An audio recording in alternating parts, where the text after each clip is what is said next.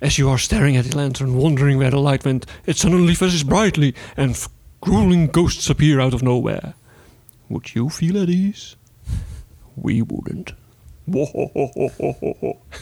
Ik hoop niet dat je dat sampletje gaat gebruiken.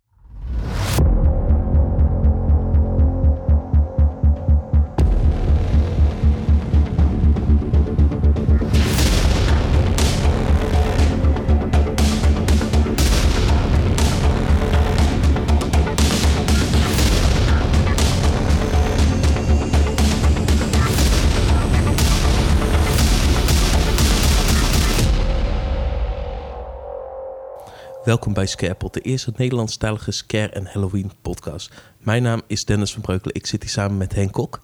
Goeiedag. En het Halloween seizoen is eigenlijk bijna ten einde. Het is nu 27 oktober als dit online komt. En de afgelopen weken heb je verschillende kleine reviews van ons online zien komen met verschillende events. Als je nog vragen hebt over die events, laat het gerust weten. Ga je nog de komende week een Halloween-event bezoeken, stuur dan even een voice clip naar Scarepot Hotline. Dat kan op nummer 0647 648 666. Ik herhaal 0647 648 666. Dit kan je gewoon doen door het nummer op te slaan in je WhatsApp en via WhatsApp gewoon een voice clip te sturen. En waar wil je dan een voice clip van sturen? Nou, de komende weken draaien er nog verschillende events, zowel in België als in Duitsland, omdat ze daar meestal één of twee weken verder doorgaan vergeleken met Nederland. Zo draait Moviepark nog, Walibi Belgium nog, ehm Serengeti Park, zo zijn er nog een hele hoop parken. Wil je weten welke parken allemaal draaien in Duitsland en in België? Kijk even op scarezone.nl.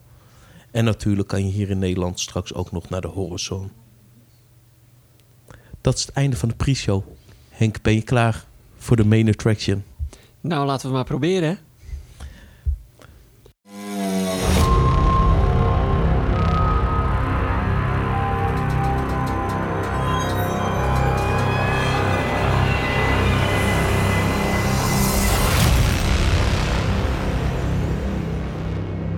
Nou, Henk, voor de mensen die je niet kennen, stel je eens even voor.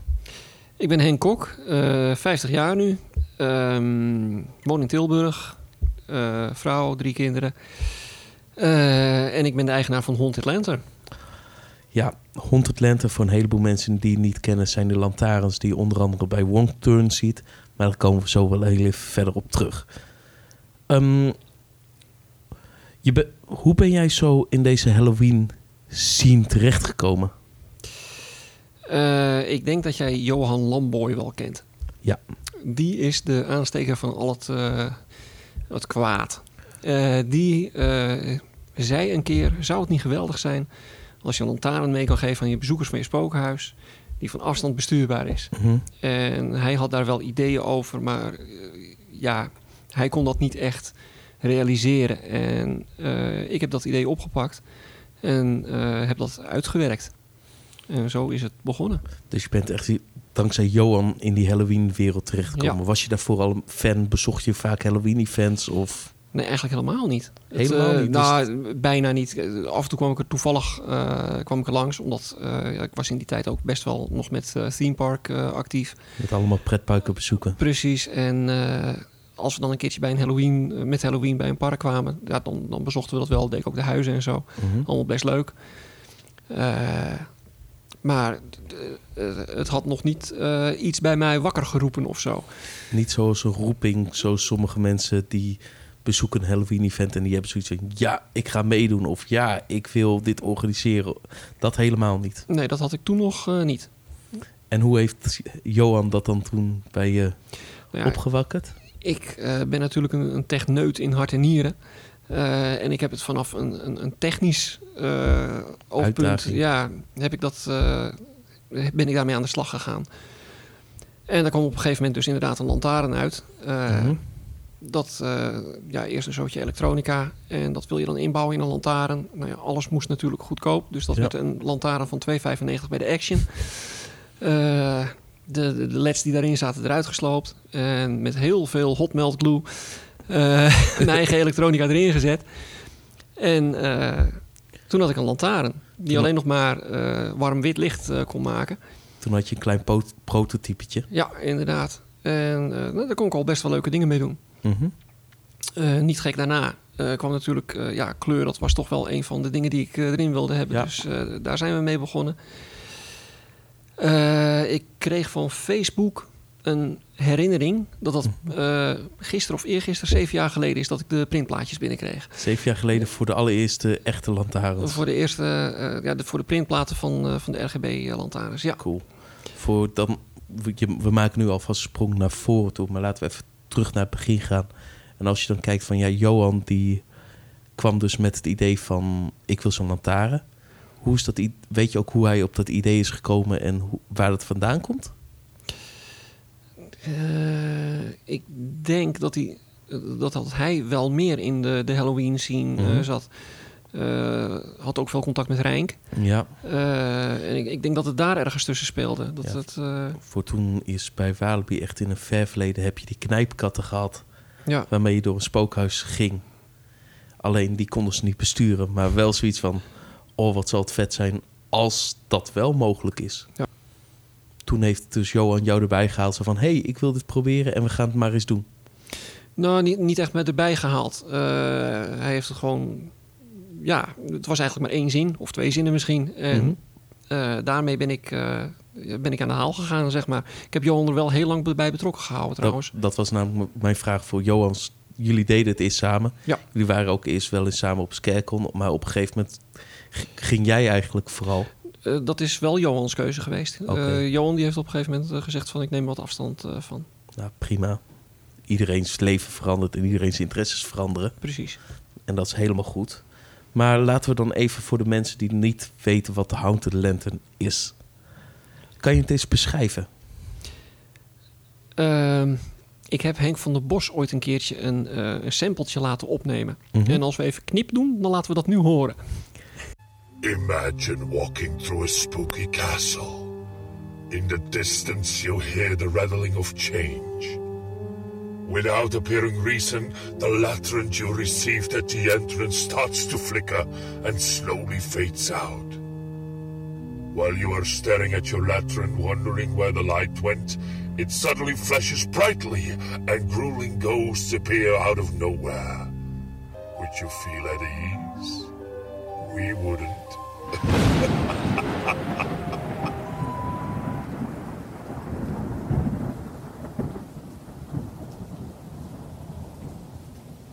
Eh, maar goed, om eh, het beeld iets completer te maken. Het is een lantaarn die je meegeeft aan eh, de bezoekers van je spookhuis. Mhm. De bezoekers denken, ik heb een veilig lampje, mij kan niks gebeuren. Ja, Maar ze weten alleen niet, tenminste totdat ze de eerste paar meters eh, het spookhuis ingezet hebben, dat hij van afstand bestuurbaar is. ja, klopt. En op eh, de meest inopportune momenten eh, gaat de lamp uit, knipperen, verandert van kleur. zorgt gewoon voor afleiding. Die ervoor zorgt dat de acteurs een, geweldige scare neer kunnen zetten. En als je dan kijkt van, ja, hoe werkt dat dan? Nou, nee, het werkt met infrarood. En dat is precies hetzelfde als eh, een afstandsbediening van de tv. Mhm. Eh, ik heb er wel gekozen voor. eh, ja, je hebt er verschillende kanalen in, zeg maar, Ja. verschillende frequenties. En ik heb ervoor gekozen om een frequentie te pakken. Waarmee mensen niet met een tv-remote dat ding kunnen frustreren. Dat is wel heel fijn. Inderdaad. En, ja, eigen protocol eroverheen gelegd. En je kan gewoon vanaf de zijkant met behulp van transmitters kan je er commando's op afsturen. ja. En dat afhankelijk... zijn, dat zijn dus zeg maar een soort verzendkastje die dan een effect kan aansturen. Zoals dat hij gaat knipperen, dat hij gaat uitgaat, van kleur gaat veranderen. Precies. Eh, er zijn twee soorten van die transmitters. Mhm. Eentje is gewoon een scene change. Als je er langs loopt, dan verandert hij van kleur of hij Ja. verandert van eh, effect of weet ik wat. Maar het doet altijd hetzelfde. Geen Mhm. interactie, eh is altijd hetzelfde. En ik heb dus transmitters die wel degelijk interactie kennen en die dus hele scripts kunnen doen. En op Scarecon heb je dat ongetwijfeld bij die demo's gezien... dat de hele Dans Macabre wordt eh, voorzien van een lichtshow vanuit die lantaarns. Ja. Eh, en dat draait allemaal op een transmitter vanuit een script. Eh, Ik zou voor mensen die het niet hebben gezien, er zijn video's van op YouTube.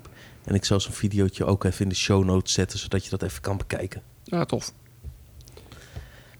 Nou, nu kwamen we toen net al dat je bent begonnen met een lantaarn, zeg maar, van de action Gewoon een simpel lantaarntje met simpele elektronica. Daarna ben je een printplaat gaan bestellen. Hoe is dat hele proces gegaan tot de lantaarn waar het nu is? Ehm eens even denken hoor. Want de eerste keer... Scarecon is de, de rode draad door het verhaal. Mhm. Eh, daar... Voor de mensen die Scarecon niet kennen. Dat is, Scarecon is de grote Europese Halloween-beurs... die ieder jaar eigenlijk in Engeland wordt georganiseerd door Scaretour... wat een grote Engelse review-site is. En daar is een tradeshow waar mensen producten laten zien voor op de Halloween. Voor bij een spookhuis, bij Halloween-events. Ik denk dat het eh 2012, dat zal de eerste keer zijn geweest. Mhm. Eh, het was toen in Blackpool in elk geval. Eh, er was een tradeshow van, nou, minder dan 10 stands in elk geval. Het, het stelde heel weinig voor.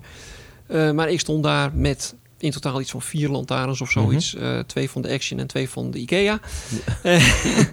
en eh, ik had een soort script ook in elkaar gezet, maar dat was met een gewone showcontrol gedaan, die Ja. eh, allemaal events naar buiten gaf. En daar triggerde ik dan weer op. Mhm. Het was heel gecompliceerd en iets wat ik nu totaal niet meer op die manier zou doen, maar dat was toen de snelle manier om het aan de praat te krijgen.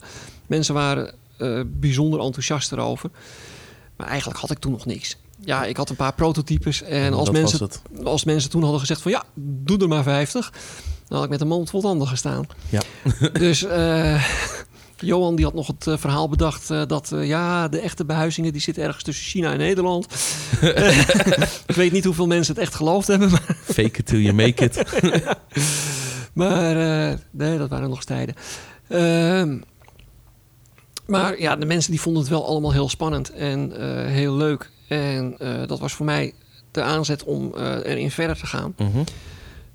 Ik heb toen wat geld gereserveerd om wat lantaarns te maken die, ja, waar, waar, je echt iets mee kon doen. Ja.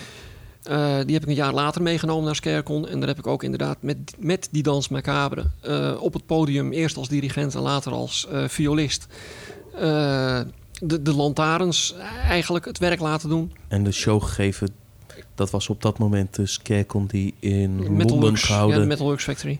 met Factory, wat voor mij toen de tijd mijn allereerste Scarecon was. en wij hadden al zoiets van, oh, dit is tof, een klein trade showtje. Ik denk wat je zegt, het is maximaal 10 stands geweest toen ook dat jaar. Ja. Het was niet heel groot, maar het was wel heel erg interessant, omdat je daar kreeg van, hé, hey, er is toch een complete industrie hiervoor. En, En, waar je dus de show hebt gegeven om mensen te laten zien wat het was. En ik dacht toen ook bij die overnight experience was ja, de. Vigil, inderdaad. Daar is hij ook eh, gebruikt. Ehm, we, we hadden he- op hele korte termijn even snel iets in elkaar geharnest. Dat eh, ja, als je een bepaalde kamer inging, dan, dan, dan veranderde de lamp. En uiteindelijk moest het tot een soort climax komen bij de eindscène. Eh, en daar moesten de lampen opeens uitgaan. Maar wat ze me er niet bij verteld hadden, was dat er twintig man met allemaal GoPro's met infraroodlampen lampen eh, eromheen stonden.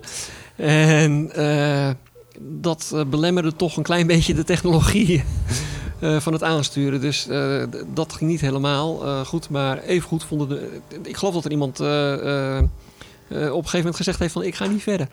Ik vind Nee. het genoeg. Nee, klopt. En dat was ook wel een hele hilarische scarecon. Op dat ogenblik hebben we toen de show afgelopen was met nog een paar, eigenlijk nog op het podium een paar mensen nog, nog banger gekregen. Omdat ze al bang waren van het eerste deel van de show. Door te doen alsof er een echt spook in dat theater rondhing. En, maar dat was, op zich was het echt wel een leuke ervaring. Maar je kan van hadden jouw eh, naam eh, leuk gespeld, geloof ik. Hè? In Ja. Nou, Koen die hadden ze nog wel een poging gedaan, Ja. maar bij jou. eh, Van Breukelen blijft een hele moeilijke naam. Zelfs voor Mikey van Scaretrek. Ieder jaar tegenwoordig is het gewoon Dennis van Scarepot. eh, Dat kan hij uitspreken, maar de rest ook. In dat filmpje was het Dennis van I'm not even going to try this. Klopt. En dat was wel, ja... Het was een aparte ervaring. Een leuke ervaring om eerste keer die lantaarns in actie te zien. En het ook gelijk mee te maken. Nou ja, en dat heeft er waarschijnlijk ook voor gezorgd dat jullie daarna eh, ermee aan de haal zijn gegaan. Klopt, voor wij hebben toen het eerste jaar, dat was volgens mij 2013, Ja, dat moet haast wel. 2013 geweest. En het allereerste jaar Horror Nights, het event wat ik samen met Koen Verdommelen en Rijn van Dijk in Hilversum hebben georganiseerd. Daar hebben we toen de tijd twee spookhuizen neergezet. Eén normaal spookhuis zoals iedereen gewend Toy is. Factory Klopt. En en Hell's Kitchen. Hell's Kitchen inderdaad. Waar in de Hell's Kitchen eigenlijk was het gewoon... Mensen kwamen binnen, ze kregen een grappige pre-show. Ze Ah, kregen een- geweldig. Ja, die, die kregen was een- echt geweldig. Ja, altijd leuk met die twee, met Harry en Connie. ja. Er zijn nog filmpjes van online te vinden. Dus als je zoekt op Hell's Kitchen, dan kan je de filmpjes nog vinden. Ik zal hem ook even eentje in de show notes neerzetten. Ik, ik weet nog dat eh, ze kregen in die eh, pre-show kregen ze een, een, een, dienblad. Ja, En dat sleepten ze, die, dat hele, en die moesten ze dan weer wegzetten. Maar de plek waarop ze hem wegzetten, eh, ja, daar was een... eh, Zo'n dubbele mi- eh, zo, Ja, precies, zo'n zo, zo'n mirror waar je Doorheen kan kan- kijken. Ja, precies, en vanaf de andere kant doorheen. En daar kwam dan een scare vandaan. Nou, ik heb de mensen echt... ja, goed gescared zien worden. Daar. Het hilarische was op de allereerste avond... een van de eerste groepjes was gewoon gelijk bij dat moment gewoon een broekplasser. dat wij zoiets hadden van... Code Yellow. Wat? Nu al? en je bent nog geen eens het spookhuis in. Maar wij hadden echt dat jaar echt zoiets van... wij willen een tweede spookhuis neer. En dat is toen Hell's Kitchen geworden.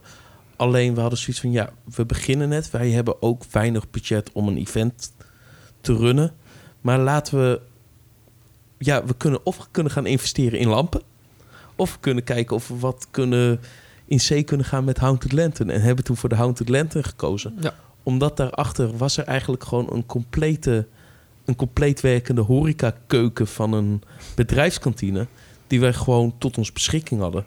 Die is helemaal geblendeerd. Geen enkele licht kwam erin. Er was gewoon nul licht in. En mensen deden die deur open. Die hadden hun lantaarntje in hun hand. Die stapten naar binnen. De deur werd achter hun dichtgeflikt. En ze waren overgeleverd aan de lantaarn. Ja.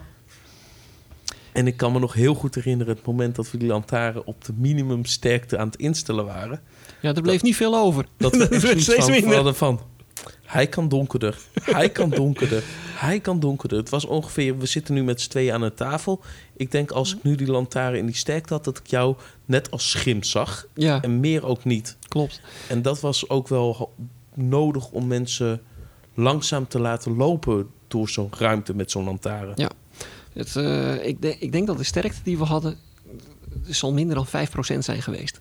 Ja.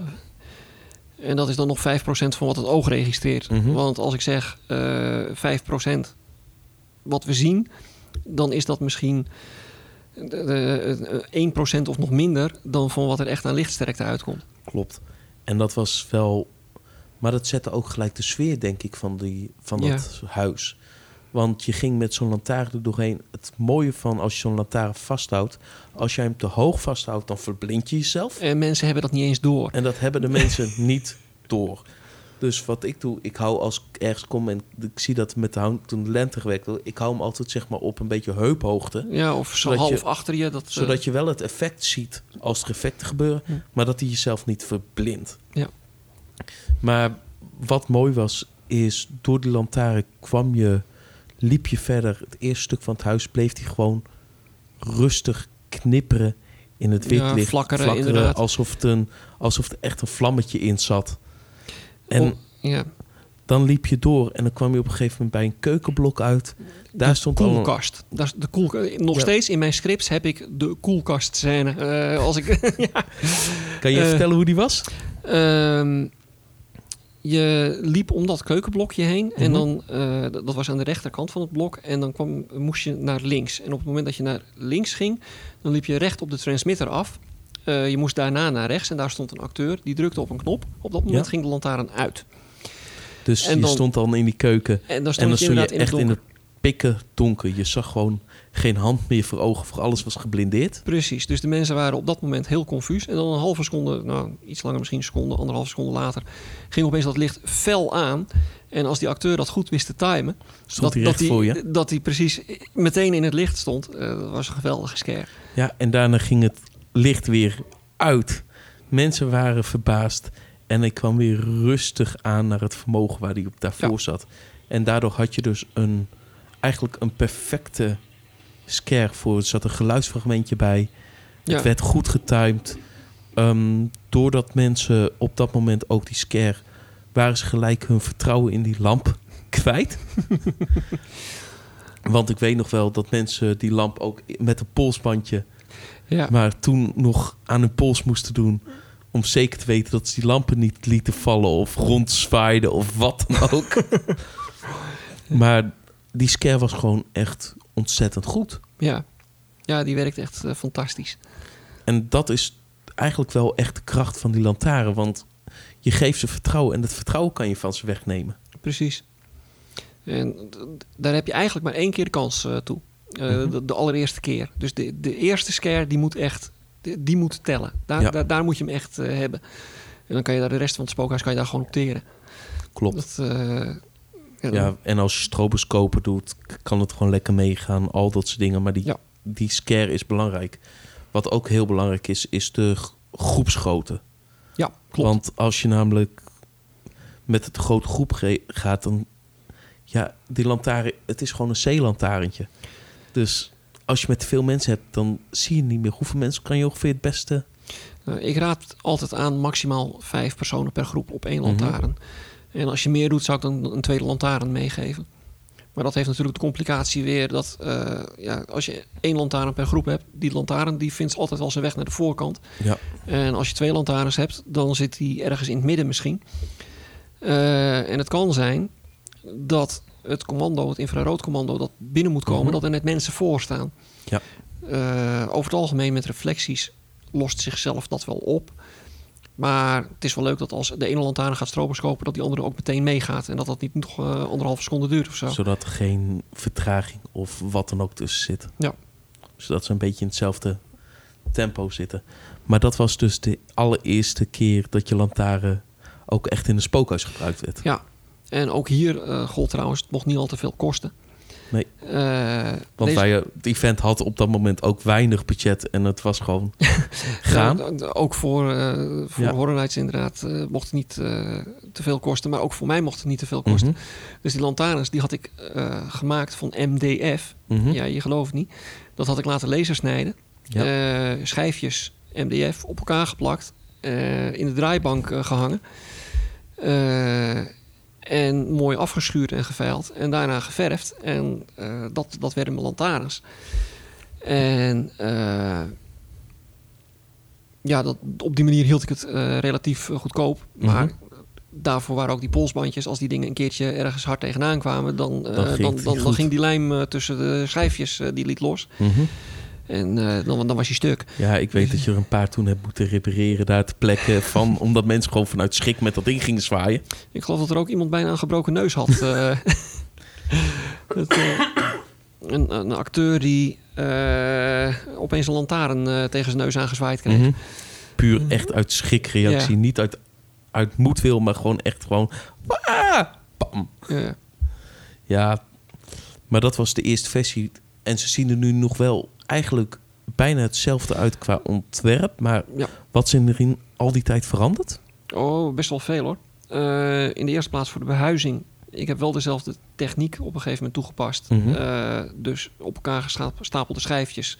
eh, en dat in de draaibank mooi maken. Maar dan niet met MDF, maar met polycarbonaat. Ja. En, En wat is dat voor de mensen die het niet kennen? Nou, dat wou ik net zeggen. Dat is hetzelfde materiaal als waar de ramen in vliegtuigen van gemaakt worden. Oh, dus daar mag je, wel, mag je wel iets van verwachten. En dat klopt ook wel. Eh, de verf die bladdert er al aan alle kanten af. Eh, dat kan je nu ook in wrong turn zien. eh, Mhm. maar die dingen die blijven gewoon heel. Dat is, is heel fijn. Het glas is wel van acrylaat. En dat is een iets minder slagvast iets. Mhm. En daar heb ik er nu eentje van eh, gehad inderdaad. Waar een, een dikke barst in zat. Maar dat gebeurt bij polycarbonaat niet. Dat is echt eh, wel slagvast. Maar dan heb je ook nog een soort ijzeren frame omheen zitten. Om ja, inderdaad. Dat, dat had ik eh, bij die MDF-lantaarns ook. Dat, het stukje aluminium, eh, de, de spijlen, die waren wel van aluminium. Eh, de ringen waren wel van acrylaat ook bij die, bij die MDF-lantaarns. Mhm. Dus dat was ook minder sterk natuurlijk. En ja, bij deze lantaarns is dat, is dat van aluminium ook. Dat scheelt een hele hoop. Ja, deze is trouwens met een drie, uit een 3D-printer eh, komen rollen. Eh, deze heeft ook geen eh, laadconnector meer, alleen een knopje aan de onderkant. Dat is nu ook veranderd. Dus, Eh, ja, deze die kan draadloos opgeladen Opladen. worden. dus dat heb je nu in de afgelopen jaren ook toegevoegd aan je lantaarns. Eh, hier zit ook een speakertje in. Dat is gewoon een alarm speakertje. Het enige wat hij kan doen is sirene inderdaad piepen. Ik voorzie twee toepassingen. In de eerste Mhm. plaats is het een mooie scare. Ja. Eh, in de tweede plaats kan het natuurlijk mensen motiveren om toch de lantaarn aan het einde van het spookhuis in te leveren. Heb je, zijn er zoveel problemen mee geweest? Eh, er zijn er vorig jaar bij Wrong Turn twee gestolen. En op Haunted Castle is er ook wel één eh, verdwenen op een gegeven moment. Zo. Ja. Er zijn zelfs twee op Haunted Castle verdwenen, maar eentje werd er teruggevonden.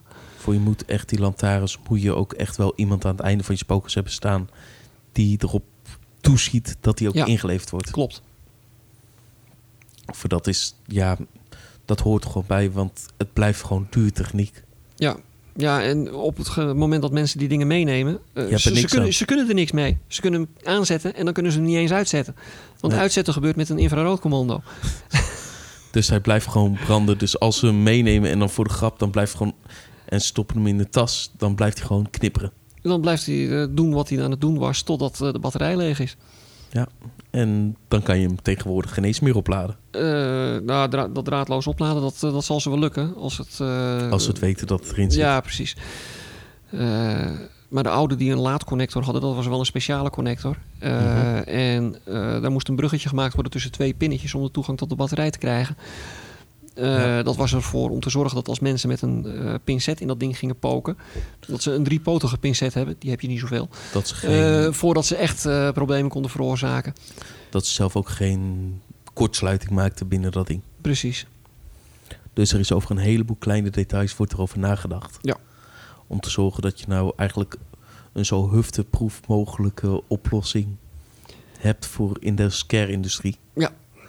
Inderdaad. Maar als je dan kijkt naar al die jaren, wat is de grootste blunder die je hebt gemaakt? Oeh, de grootste blunder. Eh, of het een blunder is, weet ik niet. Ehm, maar ik schrok er wel even van. Mhm. Eh, dat was Elton Towers. Eh, ik had die mijnwerkershelmen, dat zijn eigenlijk gewoon veiligheidshelmen, Ja, met een lamp erop. Dus dat waren zeg maar, voor de mensen die het niet kennen, dat was de Amityville Skin Snatchers. Alton, Altonville, de Altonville Mine Tours. Unref- nee, un Uncover the Legend of the Skin Snatchers. Ja, en daar kreeg je dan een soort mijnwerkershelm op, waar bovenop twee lampjes zaten. En wat eigenlijk een haunted lantern was, maar dan in helmvorm. Ja, het waren zelfs drie lampjes, kan je nagaan. Ehm, dat was gewoon een standaard eh, hoofdlamp met een Mhm. eh, mooi eh, plaatje en een scharnier erop. En ik dacht, dat is wel stevig genoeg. Echter, in het spookhuis hadden ze een soort tunnel waar je moest bukken. En Ja. het plafond van die tunnel was losse planken met een afstandje ertussen. En af en toe gingen mensen omhoog kijken van ben ik er al? En dan wilde die lamp wel eens verstrikt raken tussen die planken. En eh, als die mensen dan doorliepen, en dat deden ze nog alles, Mhm. dan kwam er behoorlijk wat kracht op die lamp te staan. En het, eh, de, de eerste dag al braken er twee of drie af of zoiets. Dus eh, En hoe heb je dat toen opgelost? nou, ik ben als een speer eh, achter mijn laptop eh, gaan zitten en ik heb iets bedacht dat ik die hele scharnier eruit weghaal. Mhm. En als je nu ook naar de foto's kijkt, er zit een stuk 3D-printen beugel zit er op de klep van die Mhm. helm. En daar zitten die lampjes in gevangen. Het is een beetje paardenmiddel, maar Zodat je praktisch zegt, dat, dat kan niet meer gebeuren en ze zitten nu goed vast. ze zitten nu goed vast. En nog steeds gaat er wel af en toe wat stuk hoor. Want ja, 3D-printen is niet eh, de allerstevigste technologie. Eh, maar eh, ja, het is wel. het, het was even spannend om dat allemaal voor elkaar te krijgen. En dat gewoon on the spot, omdat het, ja, het moest opgelost worden. Ja, dat moest opgelost worden. Ik, ik was er eh, het openingsweekend. Eh, ik ben daar meteen aan het 3D-modelleren Mhm. geraakt. Eh, en dinsdag had ik al bij een 3D-print service eh, had ik een prototype en eh, zelf eventjes ingepast. En eh, ik denk dat ik donderdag al een stuk of vier, vijf van die dingen had. En die heb Mhm. ik toen meteen naar eh Elton Towers gestuurd, zodat ze daar mee aan de slag eh, konden Ja. om eh, de, de, eerste helmet te, te repareren. En uiteindelijk heb ik ook nog iets meegegeven aan, eh, aan wat mensen die met uh, themepark.nl naar Elton Towers gingen. Dat, dat was op dat moment mijn snelste couriersdienst. Om het daar te plekken te krijgen Ja. en om het daar te fixen. Ja. Ja, dat is handig als je dan mensen kent die dan die kant op gaan. Nog steeds heel erg bedankt, eh, Marvin. Ja, die kunnen we dan altijd gewoon lekker meenemen. En dat is wel top. Maar dat was dan nou, het grootste blunder, grootste onverwachte ding wat je hebt meegemaakt. Als je dan kijkt naar al die jaren, waar ben je dan het meest trots op? Ehm, het het eh, gevoel van euforie is het grootst als ik zie hoe groot de wachtrij soms is. Dat, Mhm. aan de ene kant is een grote wachtrij, eh, ja, dat is best wel balen, want die mensen die moeten zo lang wachten. Ja, Maar aan de andere kant geeft het wel aan van die mensen die wachten allemaal op wat ik gemaakt heb. ja, Nou ja, onder andere wat ik gemaakt heb. En eh, dat gevoel heb ik heel erg gehad bij Haunted Castle. mhm. Met Trail of Terror daar. Eh, en ook bij Wrong Turn heb ik dat, eh, ja, voor, voor de mensen die niet weten wat bij Haunted Castle... daar liep je met zo'n lantaarn eigenlijk echt in het bos. ja, klopt. Het,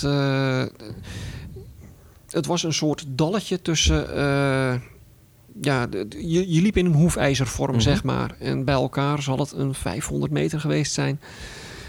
Eh, in de Keukenhof. eh, In Lisse. in Lisse, inderdaad. En eh, ja, dat was, dat, dat was heel gaaf om dat daar te doen. Ja, voor de mensen die het niet kennen, dat was eigenlijk een soort horror meets fantasy festival met een paar huizen, met een soort horrormarkt.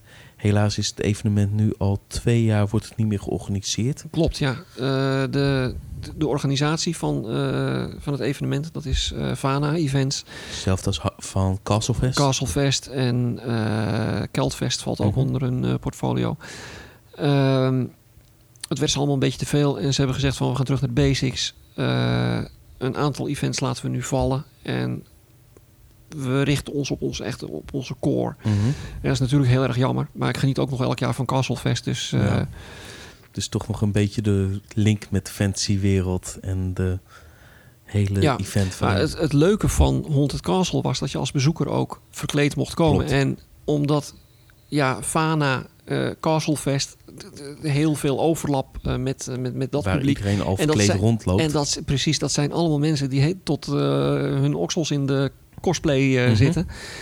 En daar zag je mooie eh, creaties eh, Klopt. Het rondlopen. was een heel apart en het was een heel ander sfeertje dan wat je bij andere events ziet, waar je gewoon als bezoeker niet verkleed mag komen. Waar er stond een complete markt waar je allerlei dingen kon kopen, waar je kostuumdingen kon kopen, Hm.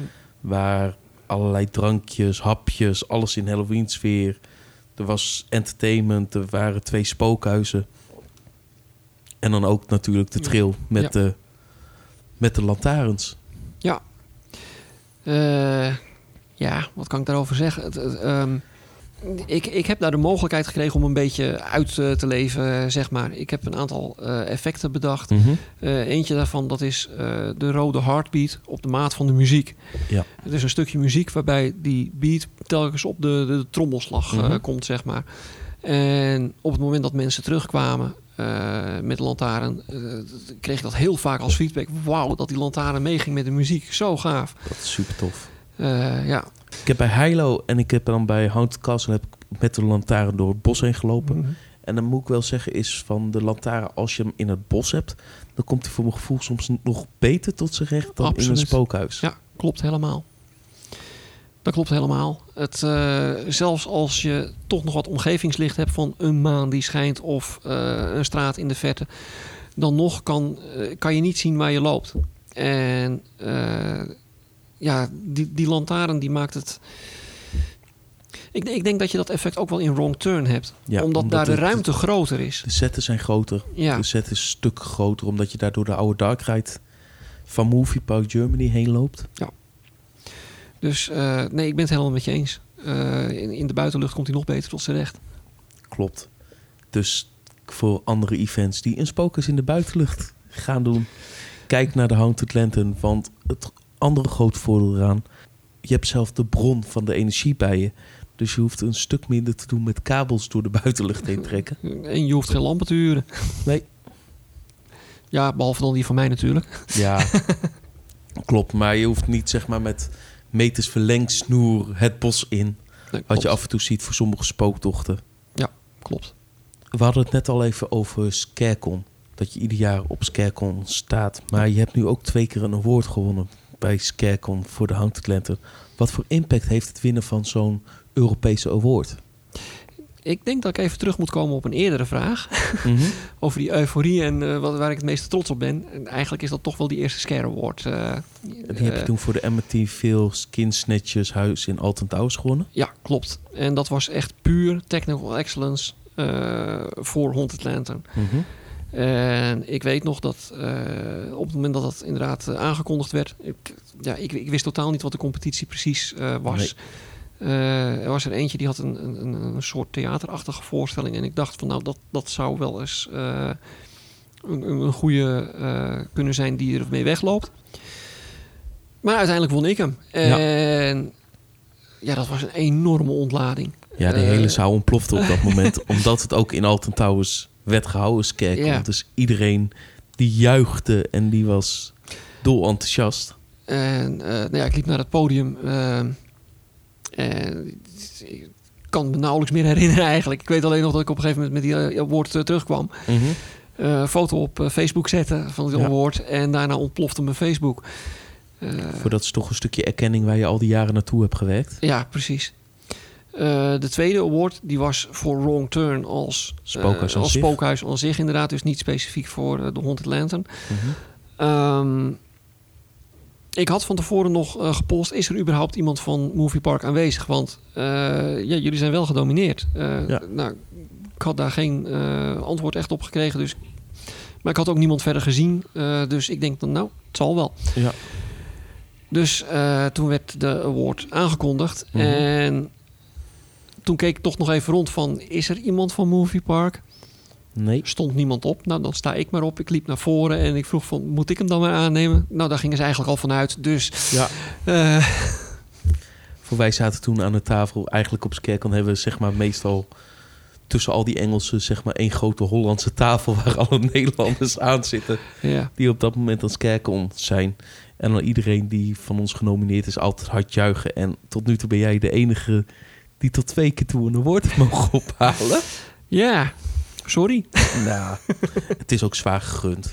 Dank Maar het is wel voor de mensen die niet weten hoe die Europese awards. Het is voor die Engelsen is het echt een ding. Ja, klopt. Voor een heleboel Engelse events is het ook echt wel die awardceremonie echt een grote prijs en een grote eer om te winnen. Een heleboel Europeanen die hier op het vasteland die hebben er nog nooit van gehoord.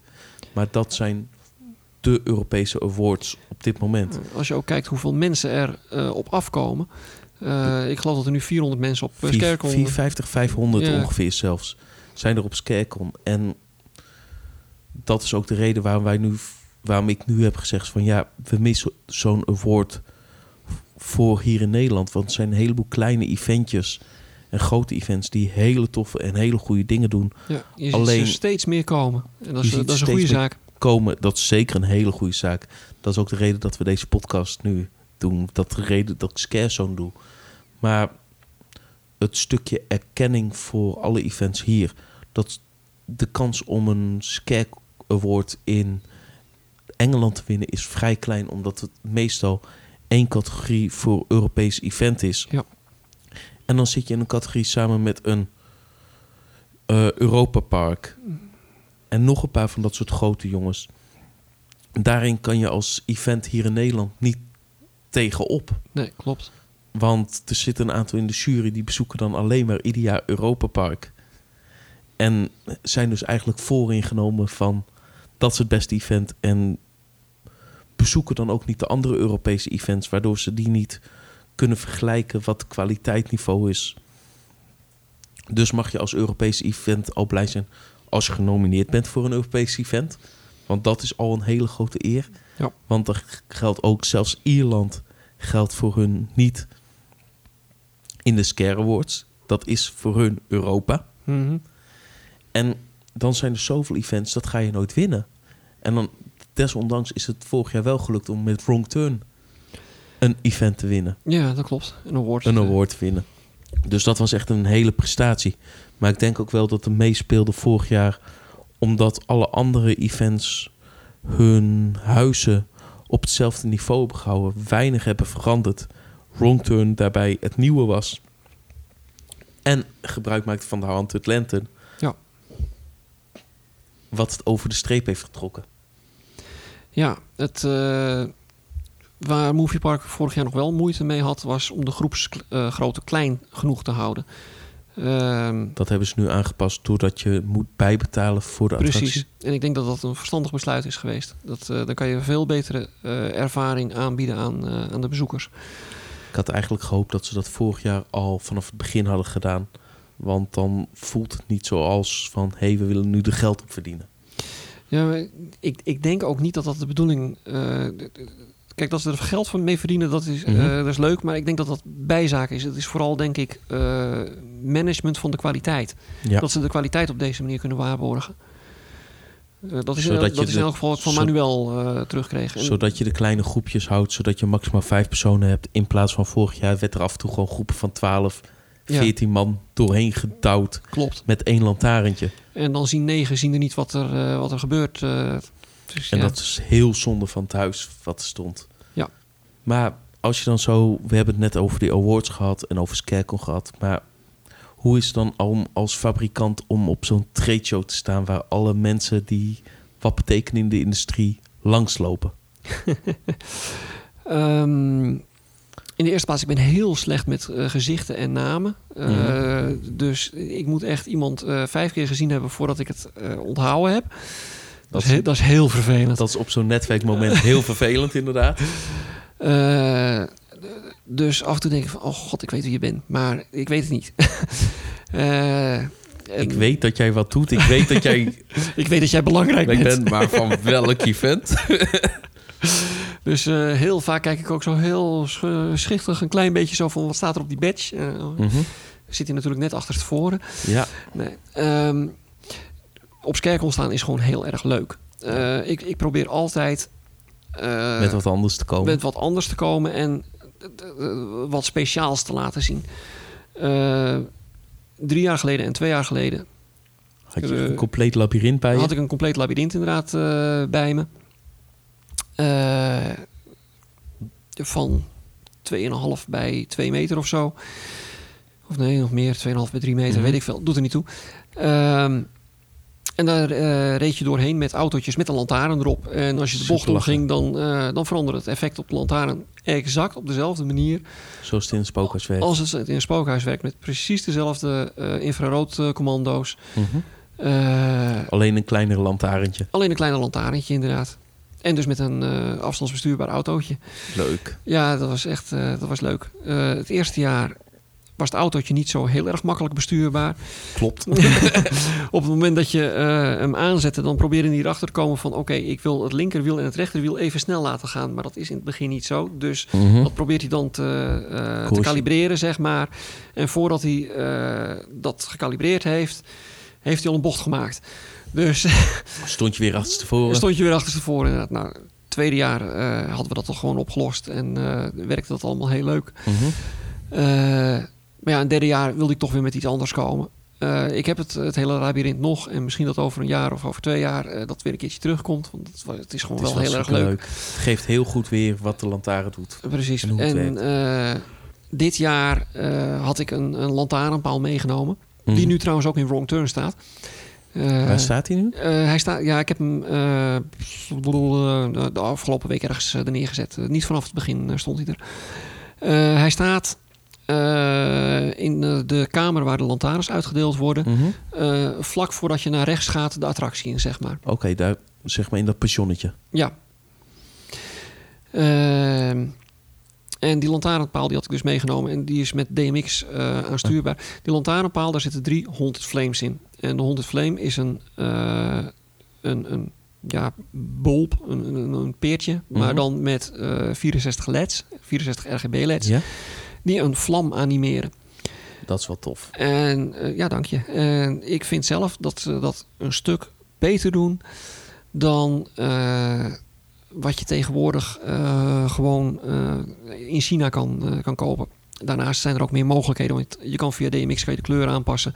Je kan de hoeveelheid vlakken die erin zit, kan je aanpassen. Je kan Dus ook je hebt veel meer controle over hoe die vlam reageert... in plaats van dat je gewoon een standaard vlammetje hebt. Precies. En nu zijn we vorige week een keertje in de Efteling geweest. En we zijn bij de Zes Zwanen geweest. En Mhm. daar hebben ze een paar van die eh, Chinese bulpjes. Ja. En ja, mensen die daar dat voor het eerst zien... die zullen denken van zo, dat ziet er gaaf uit. Maar als ik ernaar kijk, dan denk ik... oh, help, wat erg. Dus je wordt er gewoon eigenlijk heel kritisch van. Of Ja, dat, eh, ja, absoluut.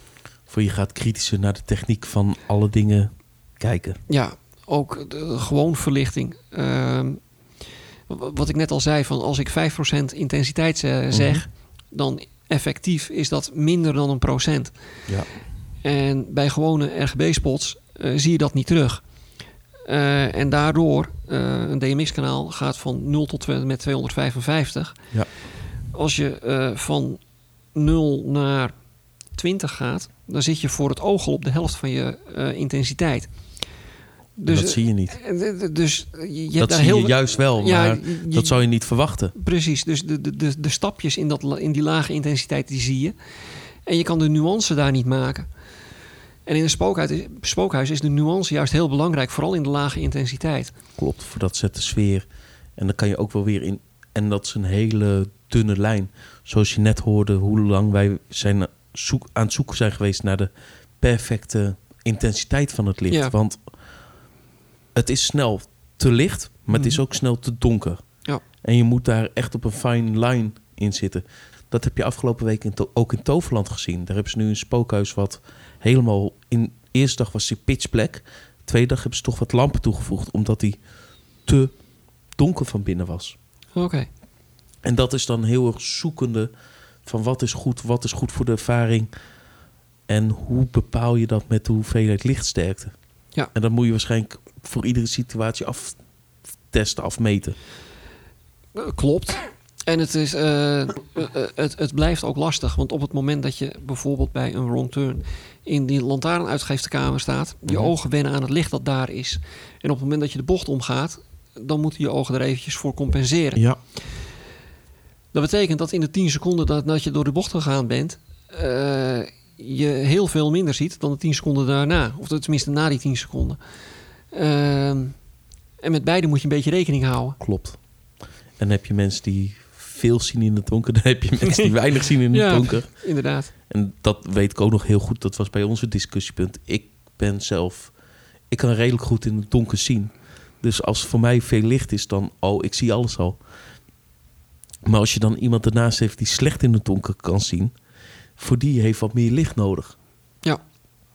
En ben jij dan een persoon die zegt hoe licht of hoe donker? Of laat je dat aan de opdrachtgever over?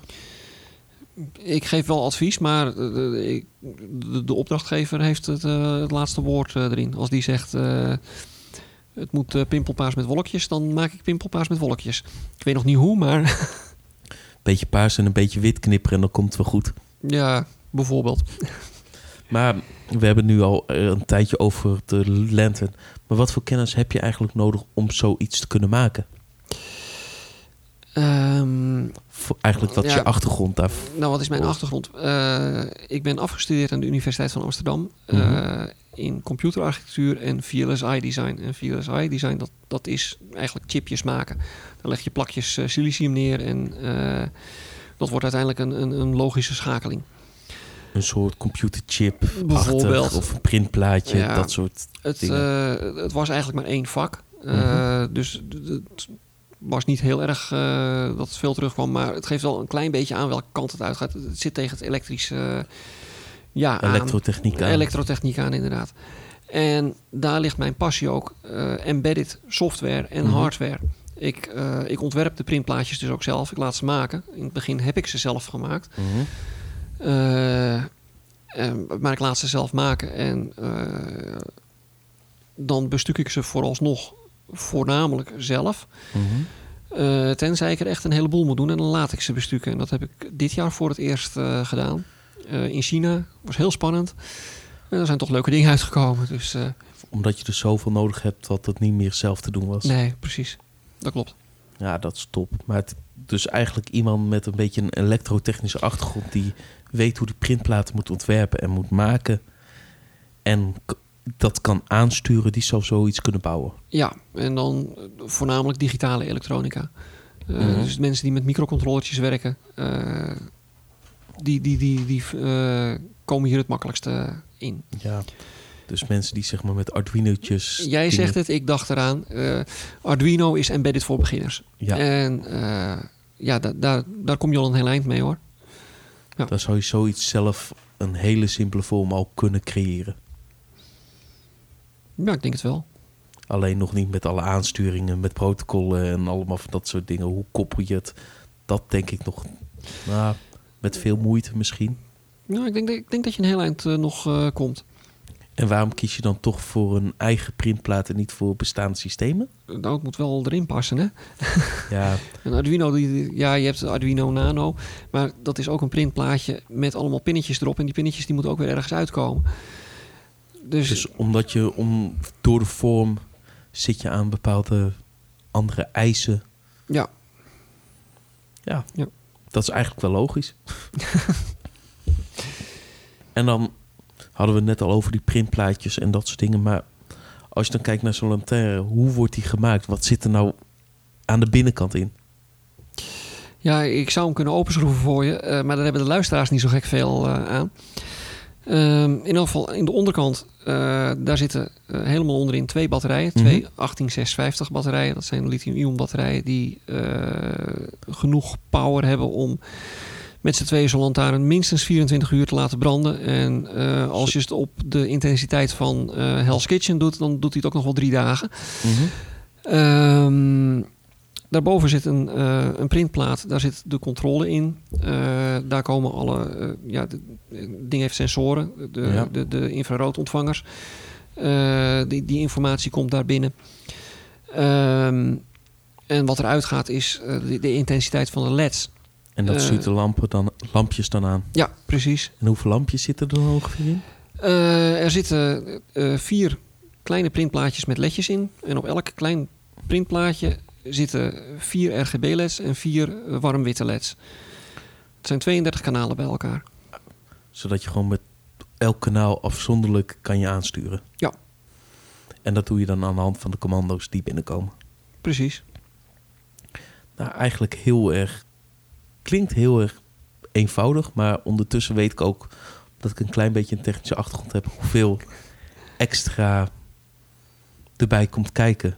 Wat voor logica er in zo'n printplaatje moet zitten bijvoorbeeld. En om het opladen goed geregeld te krijgen. Ja, dat was bij eh Hell's Kitchen eh, nog een, eh, een issue. Bij de lantaarns die ik nu heb, gebruik ik twee batterijen in parallel. En, En dat wil zeggen... dat wil zeggen dat ze naast elkaar zijn, staan. En Mhm. Dat is makkelijk opladen. Daar Ja. kan ik gewoon eh, twee klemmen, bij wijze van spreken, opzeggen, zetten. En eh, dan laat hij op. Ja. De lantaarns die ik had bij Hell's Kitchen, eh, die hadden drie batterijen in serie. En om in serie, dus ze zitten dus achter elkaar, om in serie batterijen op een nette manier op te laden, dat is best gecompliceerd. Ja. En dat had ik op het moment van Hell's Kitchen nog niet goed opgelost. Met als resultaat dat als je de batterijen wilde opladen, je het ding open moest schroeven, de batterijen eruit moest halen en in een eh, externe lader eh, moest eh, duwen. Ja, Klopt, maar dat, dat zijn van die dingen die je dan eigenlijk gaandeweg het proces gewoon leert. Gaandeweg wordt het product daardoor gewoon steeds beter. ja Je krijgt steeds een kleine iteratie erover. Ja. En dat zijn dus allemaal van die kleine stapjes die je hebt genomen om tot het product te komen waar je nu staat. Ja, ja, ik denk eh, qua elektrisch ontwerp is er niet zo heel gek veel meer veranderd eh, de, de, laatste jaren eigenlijk. Ehm, dus dat, is wel redelijk stabiel. Eh, maar ja, je zoekt altijd naar, kan het nog kleiner, kan het nog mooier, dat het in- mooier in de behuizing past. Zoals nu wat je net zei, een klein piepetje erin, klein Ja, ook dat spiekertje inderdaad. erin. Dat speakertje dat zit hier bovenin helemaal. En samen met eh, de infraroodsensoren die ook bovenin zitten, loopt een draadje dwars door het midden van eh, de lantaarn heen eh, naar beneden naar de Mhm. controlprint. En die controleert alles en die stuurt alles aan. Ja. En dan onderop heb je nu je draadloze oplader. In plaats van de connector van vroeger. Ja, inderdaad. Dat is, dit is de enige lantaarn die dit heeft. Ik heb er nog geen tweede van gemaakt. Dus Dus er gaan, maar er gaan er wel in de toekomst meerdere van komen, gok ik. Ik denk het wel. Het is nog niet helemaal uitgekristalliseerd. Uh, op het moment dat ik hem op, uh, op, op, op de lader zet, Mhm. dan uh, af en toe pingpongt hij een beetje heen en weer van ik ben aan het laden, nee, ik ben toch niet aan het laden, toch wel aan het laden. Nou ja, dat. Een beetje hetzelfde als wat als je een mobiele telefoon draadloos oplaadt, moet je hem wel op de goede manier op de lader zetten of leggen. Want anders pakt hij hem niet goed. Ja, precies. Het kan zijn dat er net even nog wat te veel afstand tussen de twee spoelen zit. Dat, daar moeten we gewoon nog even naar kijken. Hoe dat, moet nog even uitkristalliseren, maar dan is het wel echt een stuk makkelijker. Ja, inderdaad. Top. Als je dan kijkt naar de toekomst, wat zou je dan met de Haunted Lantern nog willen bereiken? Uh, ja, het mooiste is natuurlijk als ik er 10.000 maak en die uh, ergens in de Verenigde Staten of zoiets uh, aan verschillende evenementen kan afzetten. Maar dat zie ik niet zo snel gebeuren. Mm -hmm. uh, ik wil me ook in de breedte uh, ontwikkelen verder. En daar zijn tot nu toe twee dingen in elk geval uitgekomen. Eentje dat is de Haunted Flame. Ja, die we net hadden, waar we net over hadden, de vlammenpeer die erin Precies. kan. Uh, die uh, wordt nu dus bij Wrong Turn gebruikt, maar ook in een escape room in Best staan er een stuk of twaalf. Als ik zo even uitreken. Uh, die draait daar nu ook alweer bijna een jaar. Dus, uh, dat, uh, en het draait gewoon goed, geen problemen. Ik heb niks gehoord, dus... dat is altijd wel goed draaien. ja, precies. Um, dat is één. Het andere is de SICK. En dat en staat voor dat? Scriptable Interactive Control Kit. Uh, elk spookhuis, elk zichzelf respecterend spookhuis, Mhm. uh, ja, heeft een stukje techniek en een stukje uh, show control. Klopt. En de show control die bepaalt welke lampen aangaan, welk Mhm. stukje audio afgespeeld wordt. Ehm, wat voor andere scare effecten misschien eraan gestuurd worden. en Zoals wat iets een meer zijn. animatronic of wat. Bijvoorbeeld, inderdaad. Um, en de SICK is eigenlijk voor zowel scare-attracties als uh, escape rooms een Mhm. hele mooie optie om uh, dat te regelen. Het, het werkt met een scripttaaltje. Ja. Dat is binnen de show control wereld volgens mij Heel niet goed. heel erg gebruikelijk. Want over het algemeen is het zo dat je scènes definieert en dan... uh. Ja, precies. En dat, uh, dat eigenlijk afspeelt en, en wisselt tussen scènes, uh, zeg maar. Maar uh, hier kan je uh, een script afdraaien en dat script zegt van... nou, oké, ik wil dat die DMX-kanalen, dat zijn een RGB-spot bij elkaar. En die RGB-spot, die wil ik dat die die intensiteit heeft en die kleur. En uh, zorg er maar voor. En dan dus kan dat je zeg maar op een bepaald moment, op een bepaald tijdstip, een lamp een bepaalde kleur kan geven of een, en een bepaalde sterkte. Precies, zonder dat je het uh, helemaal volgeprogrammeerd moet hebben als een scène. Want uh, Mhm. mm -hmm. volgens mij, uh, ik ben er niet heel erg uh, bekend mee. Misschien uh, dat ik nu rare dingen zeg, maar volgens mij, zoals ik het begrijp, als je een scène volprogrammeert, Mhm. mm -hmm. dan geef je de status van alle lampen, geef je een, een, een, betekenis, geef je een, een waarde. En als je zegt van oké, okay, ik heb deze scène gedefinieerd, maar nu wil ik die scène en ik wil alleen die lamp dat die wat anders doet, dan moet je eigenlijk een nieuwe scène definiëren. Ja. Uh, en dat hoeft bij mijn scripttaal niet. Je zegt gewoon van oké, okay, die scène die maak ik helemaal uh, in commando's ja. van dat is een RGB-lamp, dat is een RGB-lamp en die waarde, dat waarde. En als je dan die lamp wil waar, een andere waarde wil geven, mm -hmm. nou ja, dan doe je dat gewoon in je script. dat is lekker makkelijk. Ja. En dan kan je gewoon op die manier gewoon je hele spookhuis of je hele escape room gewoon programmeren en alles afspelen. Ja, klopt. Ik, Ook met uh, scare-knoppen en geluidseffecten?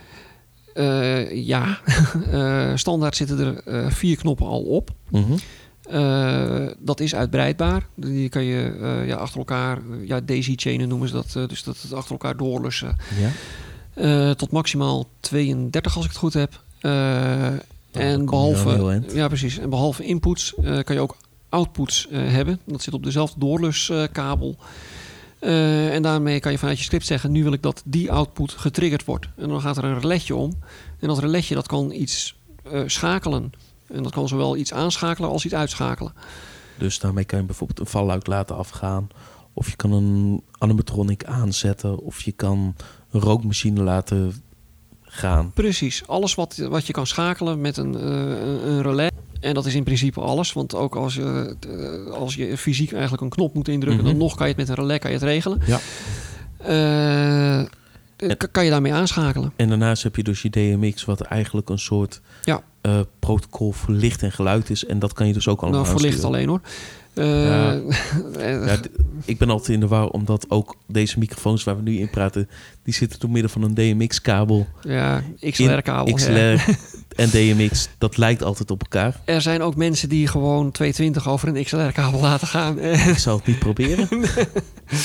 dat zal vast werken. Maar als je Mhm. maar aan beide kanten ervan overtuigd bent dat het inderdaad 220 is, Ja. eh rekening mee. Maar, Ehm, maar het is in meer de geval, rookmachines, de lasertjes, de Ja. dingen wat met DMX kan praten, dat kan je erop aansluiten. Inderdaad, en je hebt zowel DMX uit, dus dat je 512 kanalen hebt om, eh, dus een heel Mhm. universe om eh, al die dingen aan te sturen, als DMX in. En dat betekent dat eh, dat, als je een andere SIG of misschien een andere show control of een andere DMX-generator, weet Mhm. ik wat ernaast hebt staan, die kan triggers genereren op die DMX-kanalen. En je Dus- kan het zelfs ook nog doorlussen. Je kan zeggen van oké, wat ik binnenkrijg, dat wil ik er ook weer uitgooien. Maar met deze kleine wijzigingen erin. Dus zodat je het eigenlijk kan chainen en gewoon meerdere dingen aan elkaar kan koppelen. Ja. Ah, heel vet. Ik ben eh, nog bezig met eh, audio om dat multitrack te maken. Mhm. Eh, daar had ik een oplossing voor, dacht ik. Maar daar gaat iets mis in de audio-kwaliteit als we meerdere tracks tegelijkertijd spelen. En dat moeten we gewoon nog even oplossen. Dus dat moet, een, dat moet nog verder uitontwikkelen en uitkristalliseren voor in de Precies, toekomst. maar daar komen we wel uit. Dat, eh, daar ben ik van overtuigd. En draait hij voor de rest al ergens? Ehm, nou, de, de SIG is eigenlijk exact hetzelfde als mijn eh, transmitter.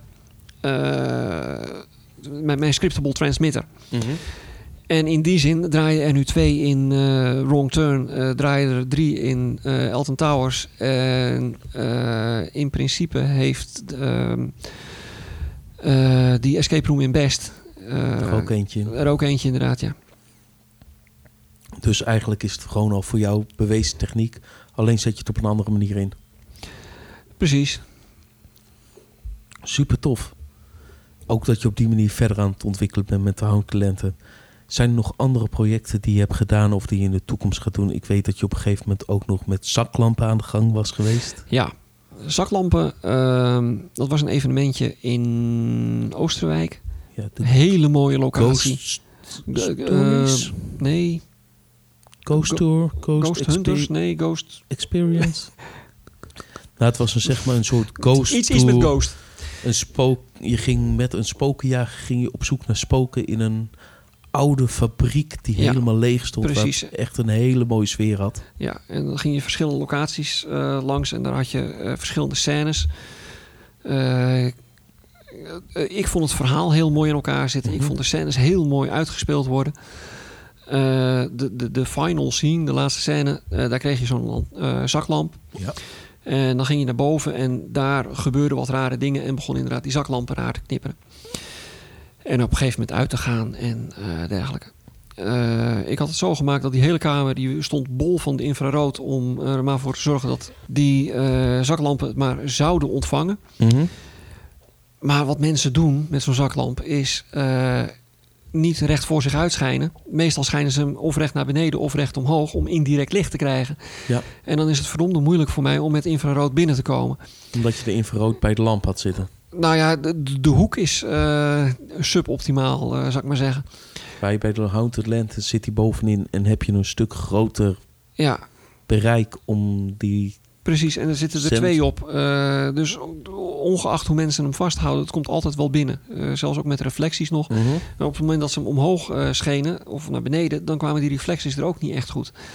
Dus af en toe werkte het daar niet zoals ik zou willen.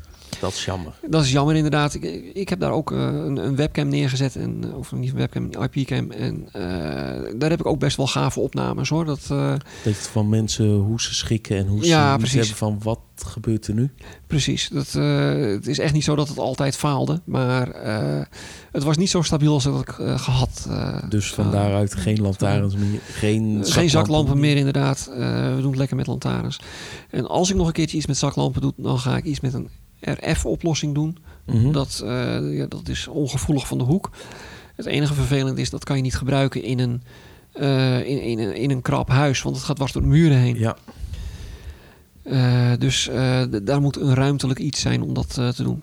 en om dat te kunnen scheiden. Ja. Dus ja, ik ja, het was wel een heel gaaf evenement. Ik vond het heel... het had wel een sfeertje ja, inderdaad. absoluut. Het was van Alex Helmers. Klopt. En laat ik ook nog even de Riddle Room noemen, want anders dan krijg ik Koen op mijn dak. Ja, Koen uit Scarepot nummer 3. Dat is de escape room waar ook deze techniek op dit moment draait. Ja, klopt. Koen heeft ook een aantal lantaarns gekocht, maar die moeten nog eh, geïntegreerd worden in het verhaal. Nou, heel vet. Dus ze gaan in een escape room echt met haunted lanterns rondlopen. Ja, ik hoop dat ik dit mocht zeggen van Koen. Nou, en anders heeft hij een stukje promotie voor zijn Ja. escape room. Ga Dus- naar Koen, ga naar de Riddle Room. Hartstikke En leuk. ga het proberen met haunted lantern. en zijn er nog andere projecten waar je... waar techniek van jou in draait? Eh, ja, ik mag daar niet al te gek veel over zeggen wat ik precies gedaan heb. Eh, maar er is een eh, attractie recentelijk geopend in Londen. Dat heet Variant 31. En die Eh, zit echt midden in het toeristengebied van Londen. Ja, inderdaad. Eh, New Oxford Street, nummer 39. Eh, het is een clustertje panden. Het zijn er zeven in totaal. Daar hebben ze een paar muren weggeslagen met tunneltjes ertussen. Zodat het allemaal interconnected is. Mhm. En daar is een, een, een soort zo- zombie survival experience. Eh, je, gaat, Heel vet. ja, je gaat daar naar binnen met een, een, een BB-gun. Eh, die schieten normaal gesproken van die balletjes af. Dat hebben ze weggelaten. Maar er zit wel een CO2-patroon in. Zodat je toch het gevoel hebt dat er iets gebeurt op het moment dat je schiet. Eh, ze hebben daar hele goede acteurs. Die eh, echt een fantastische show weergeven. Hashtag aim through the head. En ze hebben in het begin wat, wat, wat slechte reviews gehad. Eh, dat komt omdat ze... ja, ze, moesten het in april moesten ze uitstellen. Toen kwam 2 september, toen zouden ze open gaan, maar toen waren ze ook nog niet klaar, moesten ze het uitstellen. En eigenlijk zijn ze even te vroeg open gegaan. En eh, daardoor was nog niet alles af. Eh, ik weet dat nu vanaf eh, ja, een paar dagen terug hebben ze een nieuwe show Mhm. hebben ze neergezet. Het is minder shoot 'em up, meer storytelling. En dat is ook de, de reacties die ze kregen. Het is leuk. Dat, dat waren de reacties. Het is leuk, die, die shoot 'em up. Maar Ja. na een half uur, drie kwartier Ben je er heb je zoiets, ja, heb- ben je er klaar mee en heb je zoiets van hier ben ik al een keertje geweest. En er, zit zoveel potentieel in. En, ik denk dat ze dat nu bereikt hebben. En het duurt ongeveer een... Eh, ne- 90 minuten Het duurt duurt eh, gewoon anderhalf uur. anderhalf uur inderdaad. Een anderhalf uur durende immersive theaters zombie game. Ja. Waar wat techniek van jou in zit. Eh, inderdaad, en daar mag ik dus niet te veel over zeggen. Nee. Eh, hou het in de gaten, want 31 oktober eh, dan gaan ze iets vertellen. Ah, tof. Als er wat informatie is, zullen we dat ook even delen op de socials van Scarepot. Zodat mensen weten wat het is. Ja. En als je in Londen bent, bezoek het ook. En laat even een review achter op de voicemail hotline. Ja. En dan komen we eigenlijk bij de laatste vraag. En dat is, waar kunnen mensen jou vinden en meer informatie van jou vinden? Eh, nou, ze kunnen mij vinden in Tilburg. Nou, dat is een beetje flauw. Ehm, ik heb een website, hauntedlantern.com. Eh ik hou hem niet heel erg actief bij, maar Mhm. eh, ja, het meeste staat er wel wat ook contactinformatie. Ik heb een Facebook-pagina van Haunted Lantern. Ehm, ja, Er staat af en toe wat van Scarecon op en van dingetjes. En precies. Likes worden gewaardeerd. Dus allemaal even liken. Ja, dat zou leuk zijn. Eh, en ehm, ik ehm, hou van uitdagingen. Eh, dat is ook wat ik met uh, Variant 31 eh, heb gedaan. Daar kwamen ze met een vraag van iets eh, wat ik nog nooit gemaakt heb. Eh, wat wel ja, redelijk in de richting zit redelijk wat in de je richting, eh, precies. Ehm, en eh, dat, dat, dat is trouwens bizar snel gegaan. Eh, op Scarecon 21 mei, juni, Mei. mei. Eh, werd me gevraagd van, eh, kan je dit? Eh, ergens in juni hadden we ja, offertes, contracten en weet ik veel wat. Ik heb toen alles in werking gezet om in elk geval voor mijn vakantie... de alles, eerste lichting. nou, alles wat ik eh, uitbesteed, dat ik dat in werking had gezet. Mhm. Was niet helemaal gelukt. Ik heb tijdens mijn vakantie nog wel het een en ander moeten managen. Ja. En toen na de vakantie als een speer vanaf ja, de, de laatste paar dagen van juli gaan assembleren. En eh, dat, dat was heel spannend om dat allemaal een beetje op tijd af te krijgen. Dus van halfwege juli heb je de dingen in elkaar gezet... zodat ze het op tijd in september open konden gooien. Ja. En dan ben ik heel benieuwd. Heel misschien ga ik hem zelf einde van het jaar ook even proberen... als ik in, de, als ik in Londen ben en de mensen met wie ik die kant op ga... het ook willen proberen. Maar in elk geval, om terug te komen op je vraag... eh, of op het antwoord wat ik aan het geven Mhm. was in elk geval. Eh, ik, ik hou van uitdagingen. En als een van de luisteraars rondloopt met een idee van... dit lijkt mij heel gaaf in een scare attractie... of in een escape room. Dat, Mhm. Alleen je hebt Maar- zelf de technische kennis Precies, niet. je hebt zelf de technische kennis niet. Deel het met mij en misschien kan ik iets voor je betekenen. Dat is een hele goede om hiermee af te sluiten. En dat kunnen ze je dan gewoon via hauntedlantern.com kunnen ze je contacten. Ja, eh, daar staat mijn e-mail ook. En anders henk.honderdlenter.com, dan, eh, dan komt het altijd aan. Dat komt helemaal goed. Henk, heel erg bedankt. En jij ook bedankt. En de luisteraars ook allemaal weer bedankt voor het luisteren. En vergeet ook niet Scarepot. Facebook, Instagram en Twitter natuurlijk. En we horen jullie graag weer in de volgende aflevering.